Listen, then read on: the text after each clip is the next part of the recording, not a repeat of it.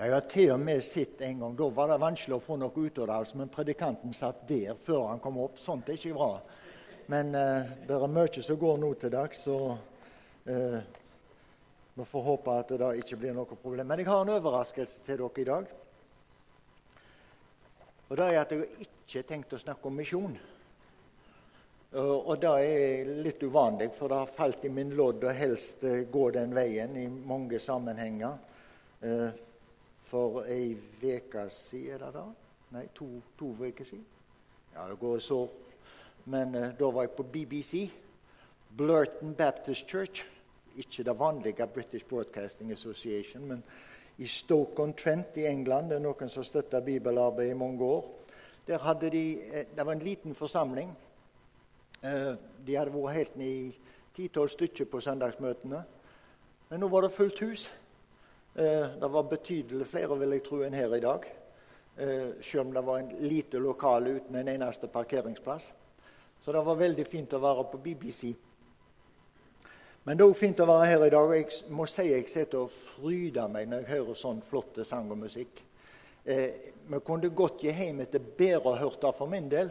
Og jeg hadde i alle fall vært storlig velsigna og oppløfta og oppmuntra. Det, det, det, er veldig flott å høre. altså. Kan ikke bli bedre enn så flott pianomusikk og så trekkspillatt og så sånne flotte sangere. Og så da sånn flott innhold i sangene. Nei, det, det er helt, helt topp. Men litt misjon til å begynne med. For noen uker siden så eh, var det vel Kristian og, og han eh, er det Erik eller Eirik, han er svigersønn til Helge?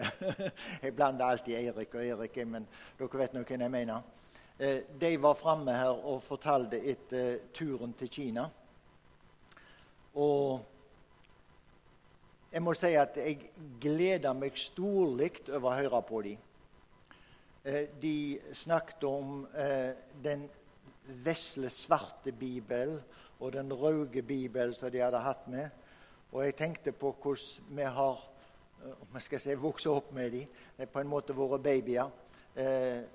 Inga forteller om hvordan jeg snakket i søvne når vi holdt på å skulle bestille papir til dem, når bibelselskapet i Japan nærmest hadde monopol på bibelpapir, og det var få trykkeri som kunne egentlig trykke på tømt bibelpapir, og det er det fremdeles i dag. Eh, så eh, de som produserte det, de som solgte det, de var veldig skeptiske. og Eh, vi hadde store problemer egentlig med å få tak i papir. Men det surra i hodet dag og natt, og så jeg, jeg snakket visst om det i søvne òg. Og ved Guds store nåde så har vi fått trykt Vi regna over det her for ikke så lenge siden. Eh, vi har ikke prøvd å holde nøyaktig antall, men anslagsvis 30 millioner bibler for Kina. Og Det er en stor nåde, og det er noe som alle her òg har fått være og er med på. Og jeg tenkte når de snakket, at vi må sannelig ikke bare fokusere kun på bibellevering. Og Vi har lett for å ta liksom ting om gangen, men det er noe som heter produksjon òg. Eh, som vi må eh, alltid ligge i forkant med, og alltid ha midler til. Og alltid ha eh, eh klart for at eh, leveringa skal kunne gå, så eh, jeg vil oppmuntre dere til fortsatt være med og huske på bibelarbeidet. Både den ene og den andre delen av det. Og eh, På tirsdagsbønnemøter så eh, Helge han alltid, spør alltid etter, et Manga-prosjektet og ber alltid for det. Av og til så utnevner han en du ber for deg på tirsdag og du på onsdag osv. En, for, en for hver dag. Eh, så jeg tenkte jeg ville bare si bitte litt om hva som foregår. Eh, en hebraisk versjon av Manga Messias som nylig kom fram til Israel.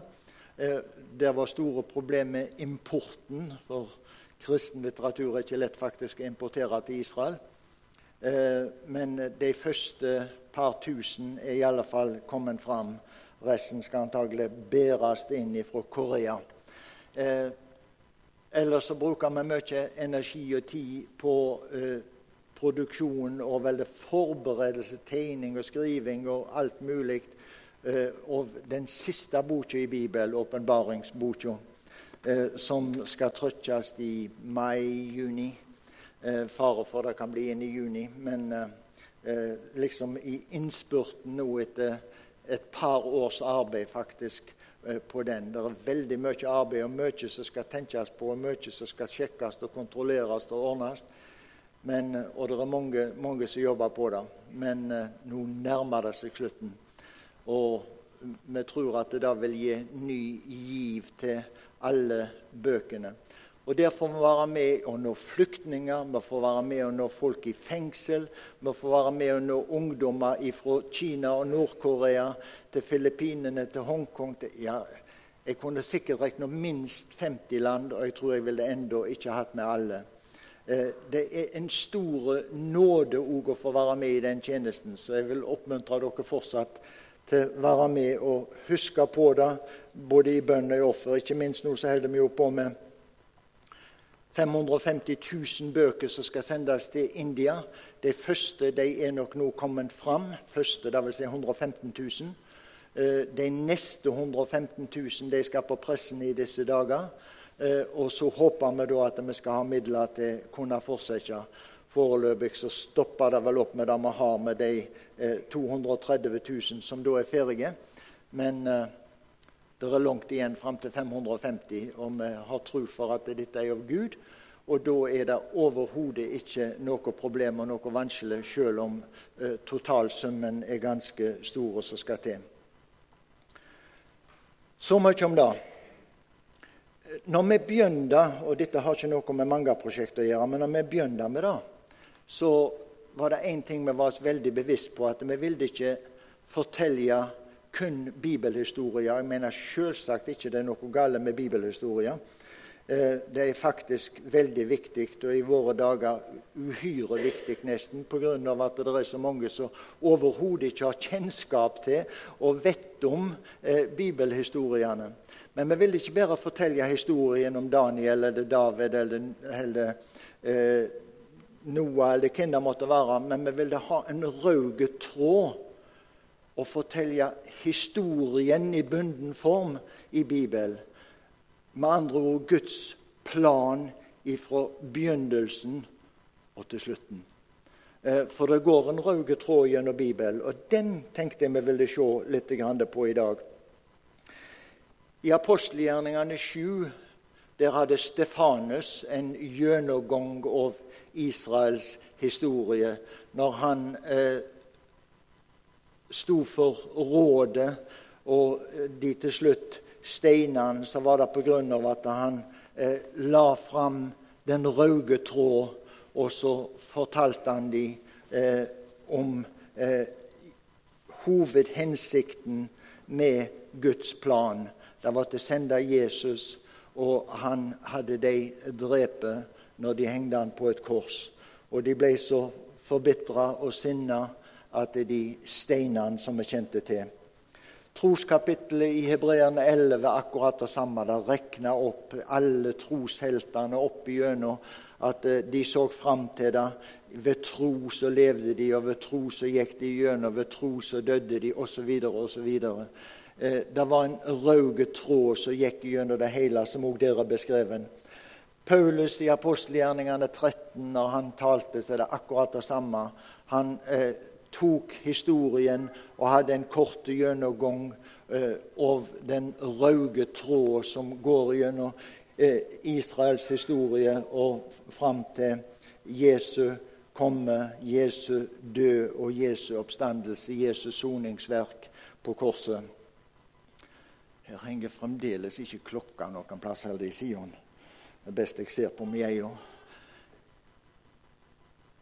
Men så står det det som jeg har lyst til å gå ut ifra i Galaterne 4.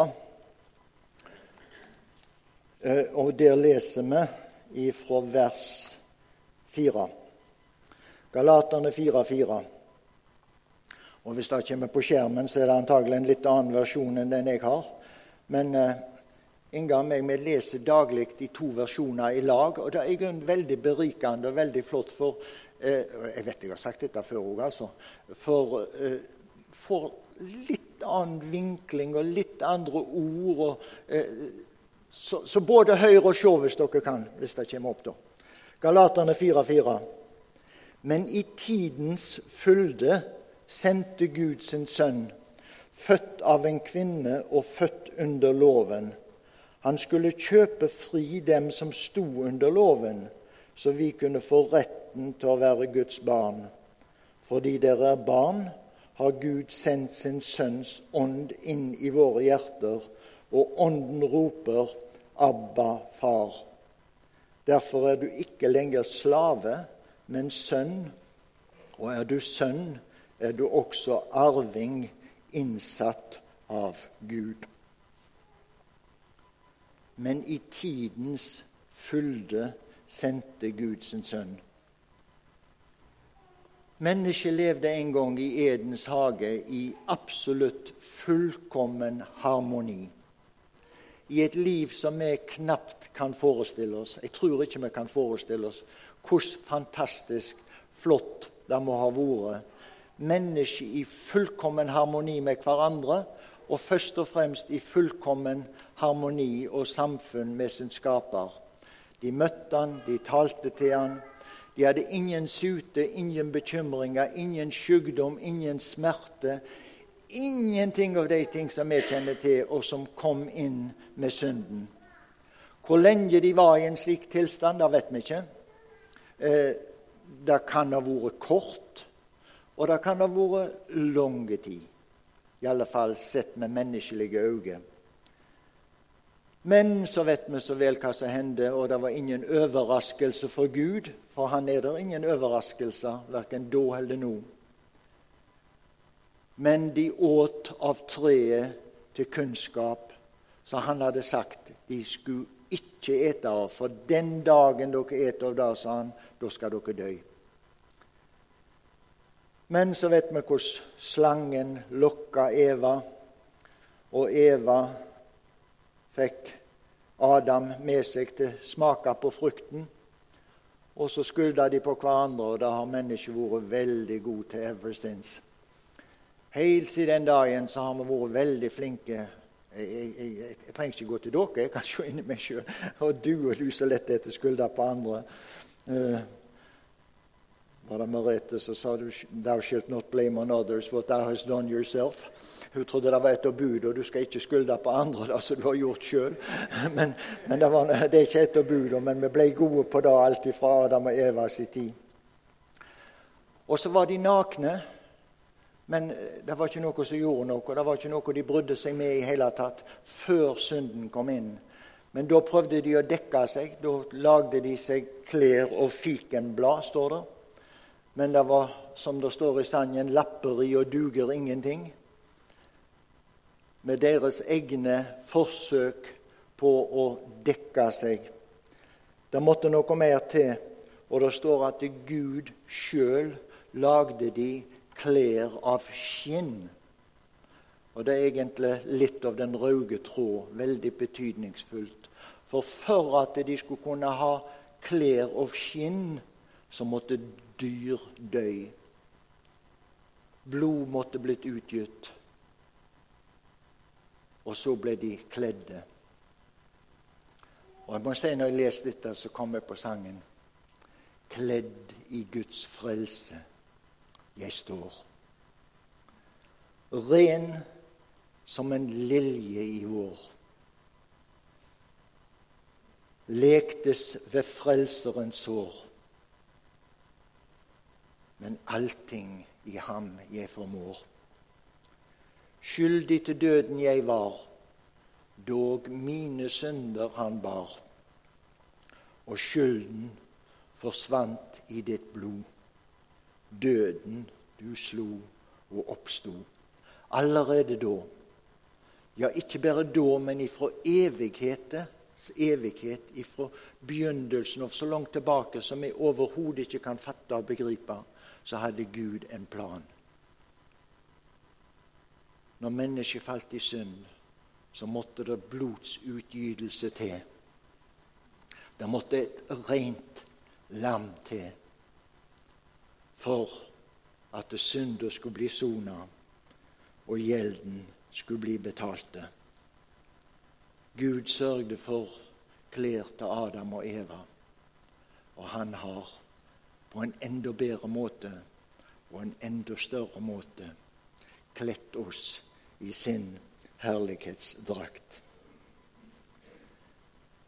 Men synden kom inn, og med den kom smerte, med den kom død, med den kom bekymring, med den kom alt det, den elendighet som hører jordlivet til.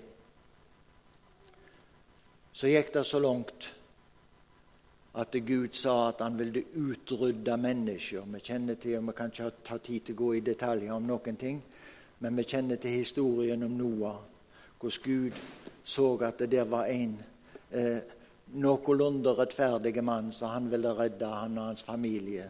Så fikk han Noah til å bygge en ark etter veldig spesifikke eh, mål og eh, tegninger.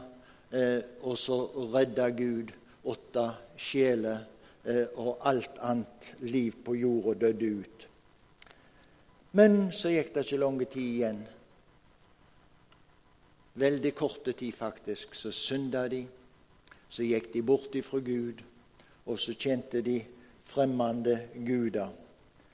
Og så kjenner vi til fedrene Abraham og Isak og Jakob.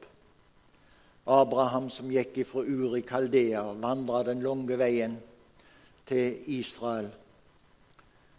Antagelig ifra det som i dag er Irak, så gikk han med eh, Lot med kona, halvsøster si, og med eh, faren var òg med en del av veien. Og så kom de fram til Israel. Og så kjenner vi til eh, hvordan de, det kom hungersnød. De drog til Egypt, der de trella i 400 år. Må forresten ikke bli forvirra av at det noen plasser står 430 og noen plasser står 400. For de var i Egypt i 430 år, men de trella bare i 400 av de 430. Så det stemmer nok. Noen ganger så tror mennesker at de er så smarte at de finner feil og, og det, dette kan ikke stemme, så viser det seg naturlig gang på gang naturligvis at det, det er mennesket som tar feil, og ordet eh, det stemmer nok òg på det området. Og så kom Moses, og så kom Moseloven, og stakkars folk som skulle prøve å holde den. De ofra daglig, og de ofra en gang i året. Ypperste presten gikk inn i det aller helligste, står det en gang for året, og bar fram offer først for sine egne synder, og så for folket. Men det var en midlertidig ordning.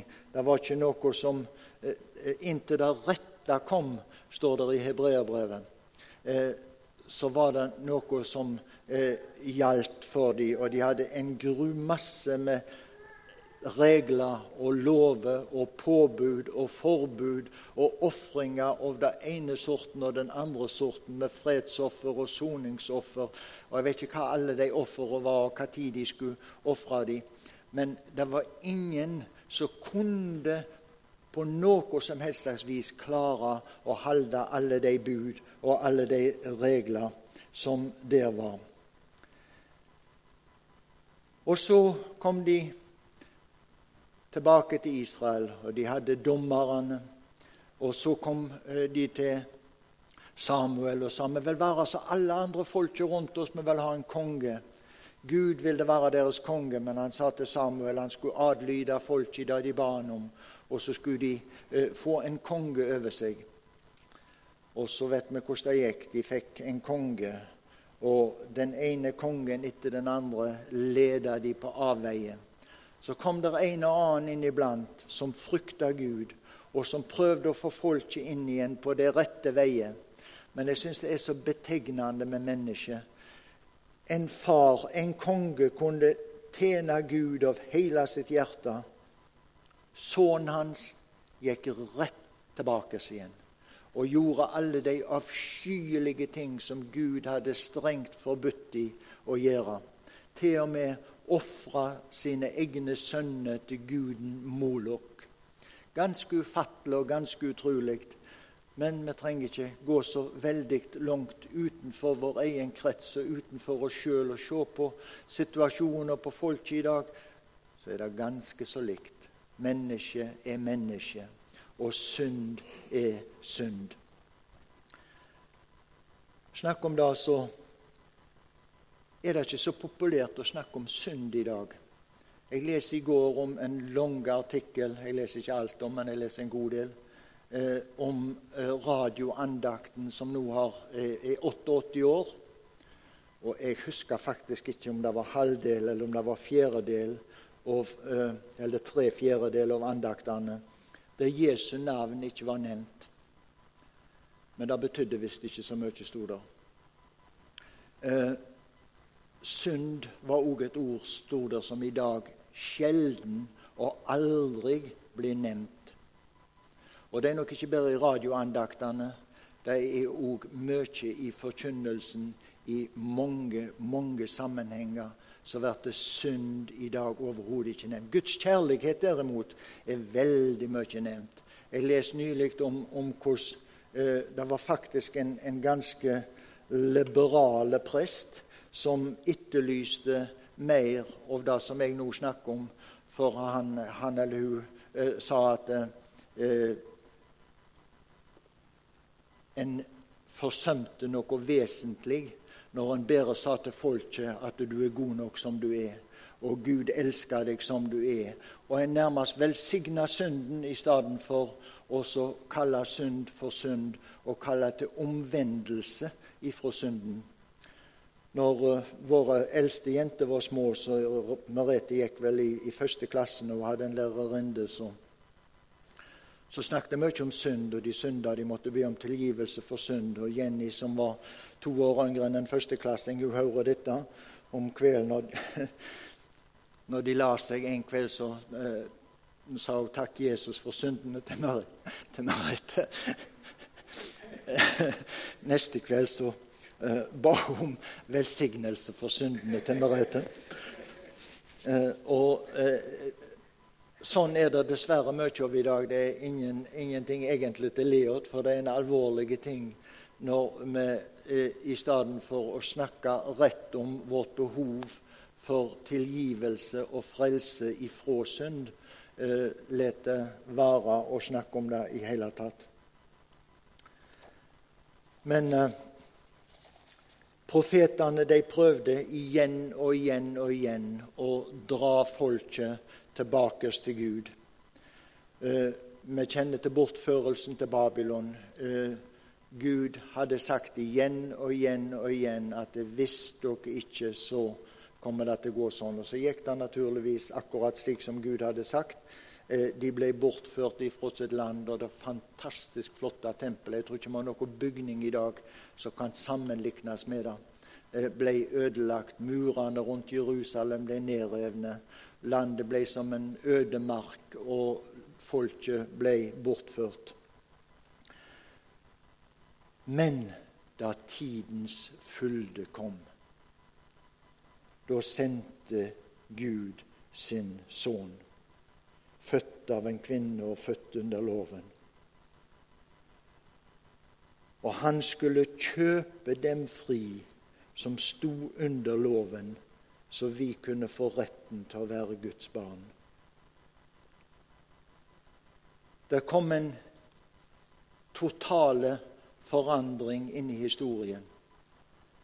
Det kom noe revolusjonerende nytt. Kristus kom og alt ble forandra.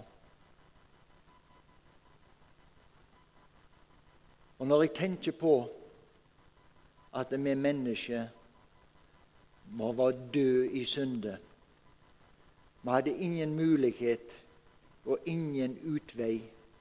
Det var ikke én, står der, som var rene.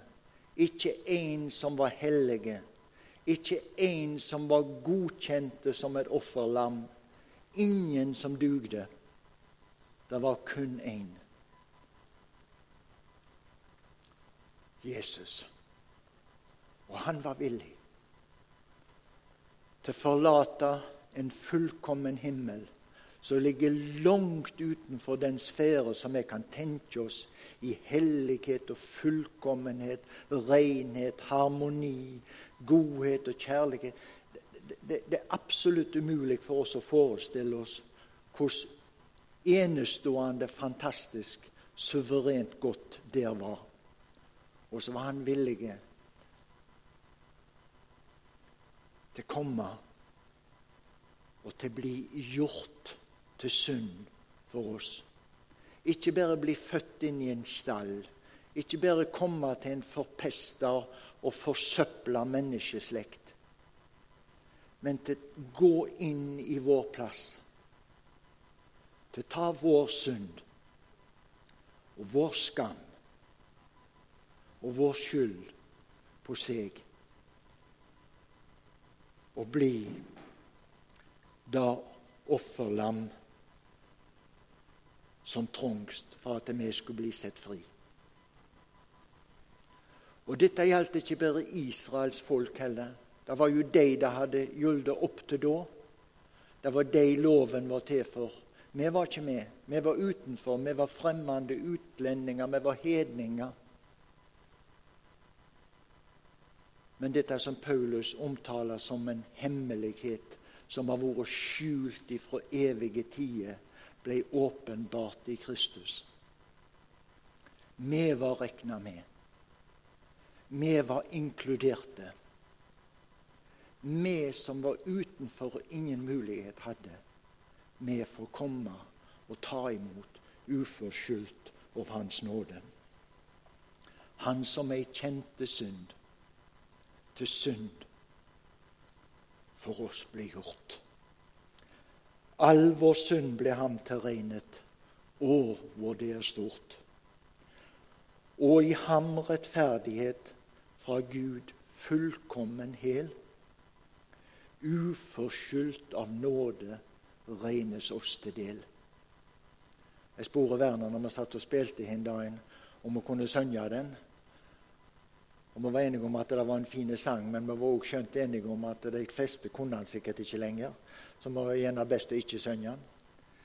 Men tenk at vi får regne med Han så det står i koret 'reine, reine', bare tro og regne. Gud har gjort alt, Han har gjort alt som gjøres kan. Kristus kjøpte oss fri ifra lovens forbannelse idet han ble en forbannelse for oss. Det er vanskelig å forstå det, at han ble gjort til forbannelse for oss. Det er vanskelig å forstå smerten som det må ha vært. Jeg hoppet en gang opp på en spiker som viste på oppsida av foten. Og du og du så vondt det var i lange tider. Men tenk å bli nagla til et kors med spikra i hendene og føtter. Det må ha vært en uutholdelig smerte. Men jeg tror smerten av å bli gjort til synd for oss Til å bære all verdens synd på seg, ja, bli gjort til synd, må ha vært langt, langt mye større alt som Hitler gjorde, alt som Stalin gjorde, ja. Men du og meg må òg regne med. Og vi får synge at mitt skyldbrev er utslettet. Og den har jeg sitert i Sion mange ganger. Men jeg siterer den igjen. Og for at jeg ikke skulle glemme det ut, så trykte jeg den ut. Mitt skyldbrev er utslettet, og min regning er betalt. Han naglet dette korset den gang han sonet alt. Og alle, ikke en del, ikke bare fortid, men notid, framtid, alt, alle mine synder som jeg har gjort mot ham ble båret ut av verden ved det Guds offerlam. Jeg ser dem aldri mer. De sank i glemselens hav. Og ære halleluja, de står ei opp derfra. Men så langt som øst fra vesten, og så langt som syd fra nord, er synden fra meg fjernet så føler jeg Nei, så sier Herrens ord. Jeg hviler nå på blodet og bygger på Guds ord. Jeg går til bibelordet som til et dekket bord, og det er særlig ordet om Jesu kjærlighet som gjør det alt så herlig og gir slik hjertefred. Det gamle er forganget, se alt er nå blitt nytt.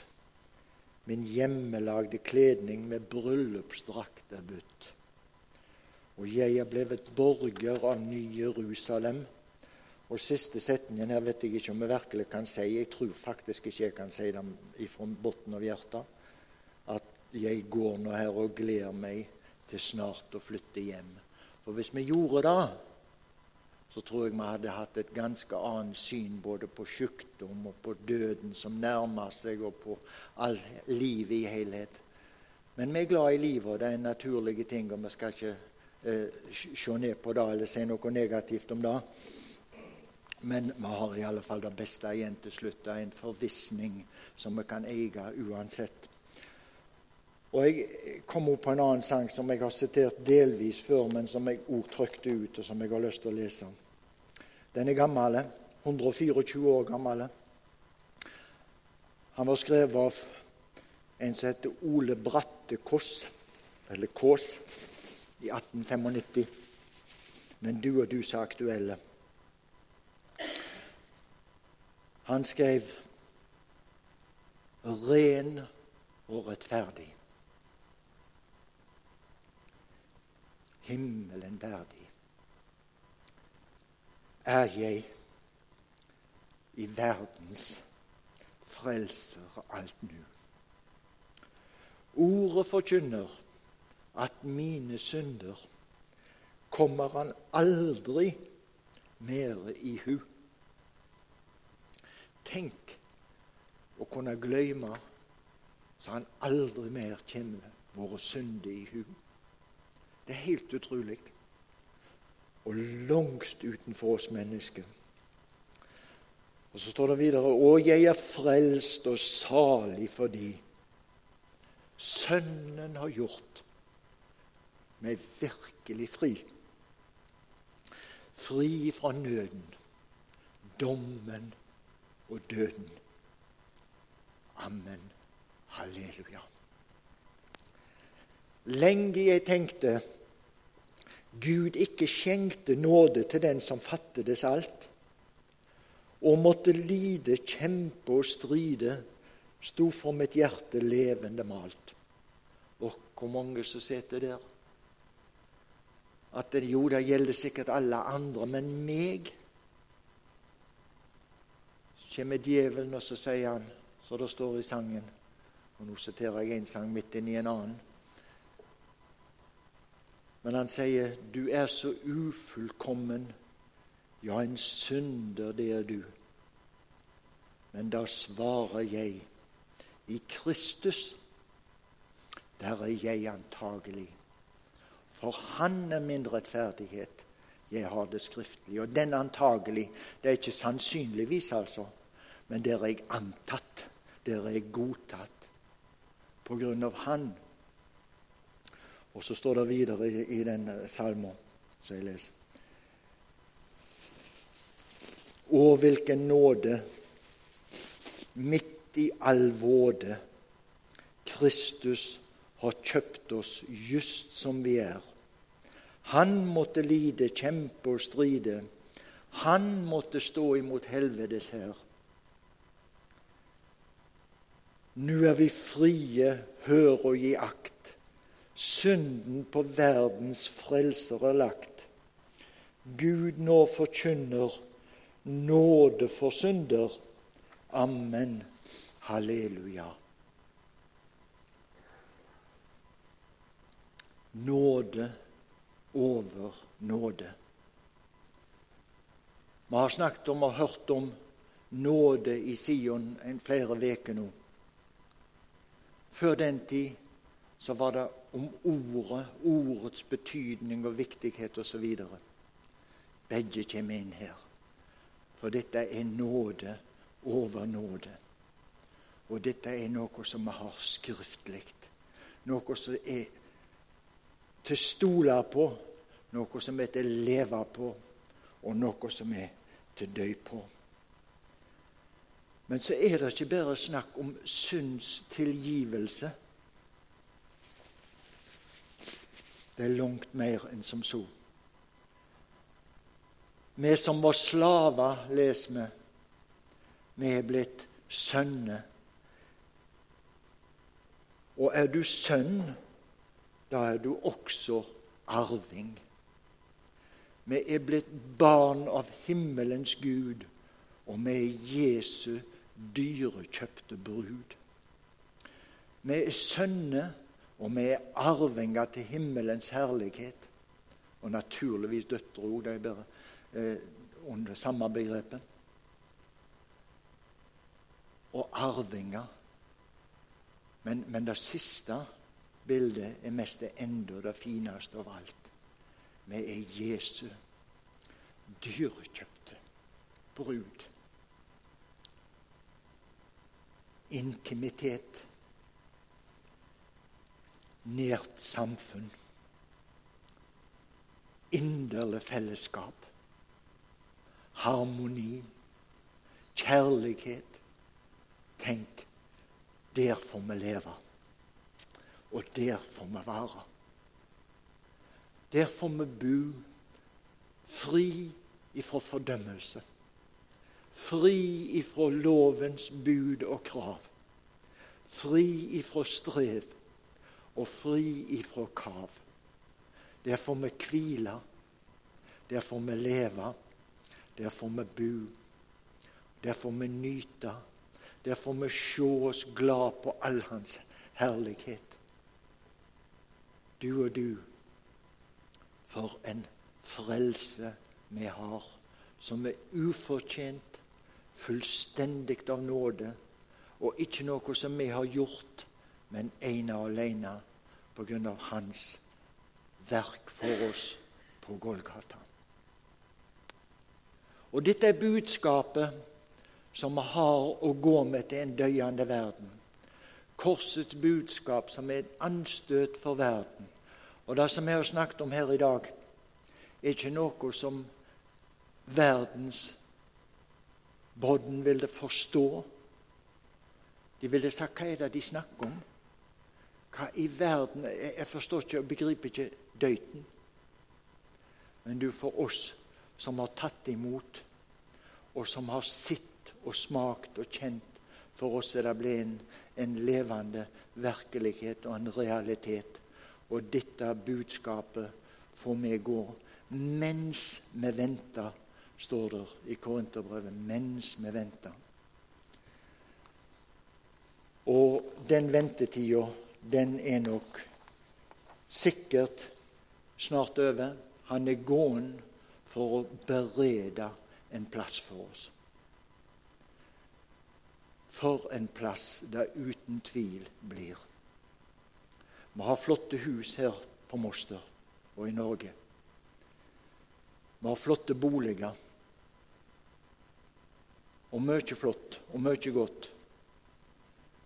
Men du, det ble, ikke bare bleikna i forhold. Det finnes ingen form for sammenlikning med det vi har i vente. Her forråtnes det, her forringes det. Her må det vedlikeholdes, her må det ordnes, her må det fikses, her må det vaskes, her må det stelles, osv., osv. Der er det fullkommenhet. Dette har vi i vente. Halleluja, halleluja. Jesus han har jo gått foran bereder oss et sted. og snart så kommer han tilbake. Pris Gud, da skal og jeg få være med.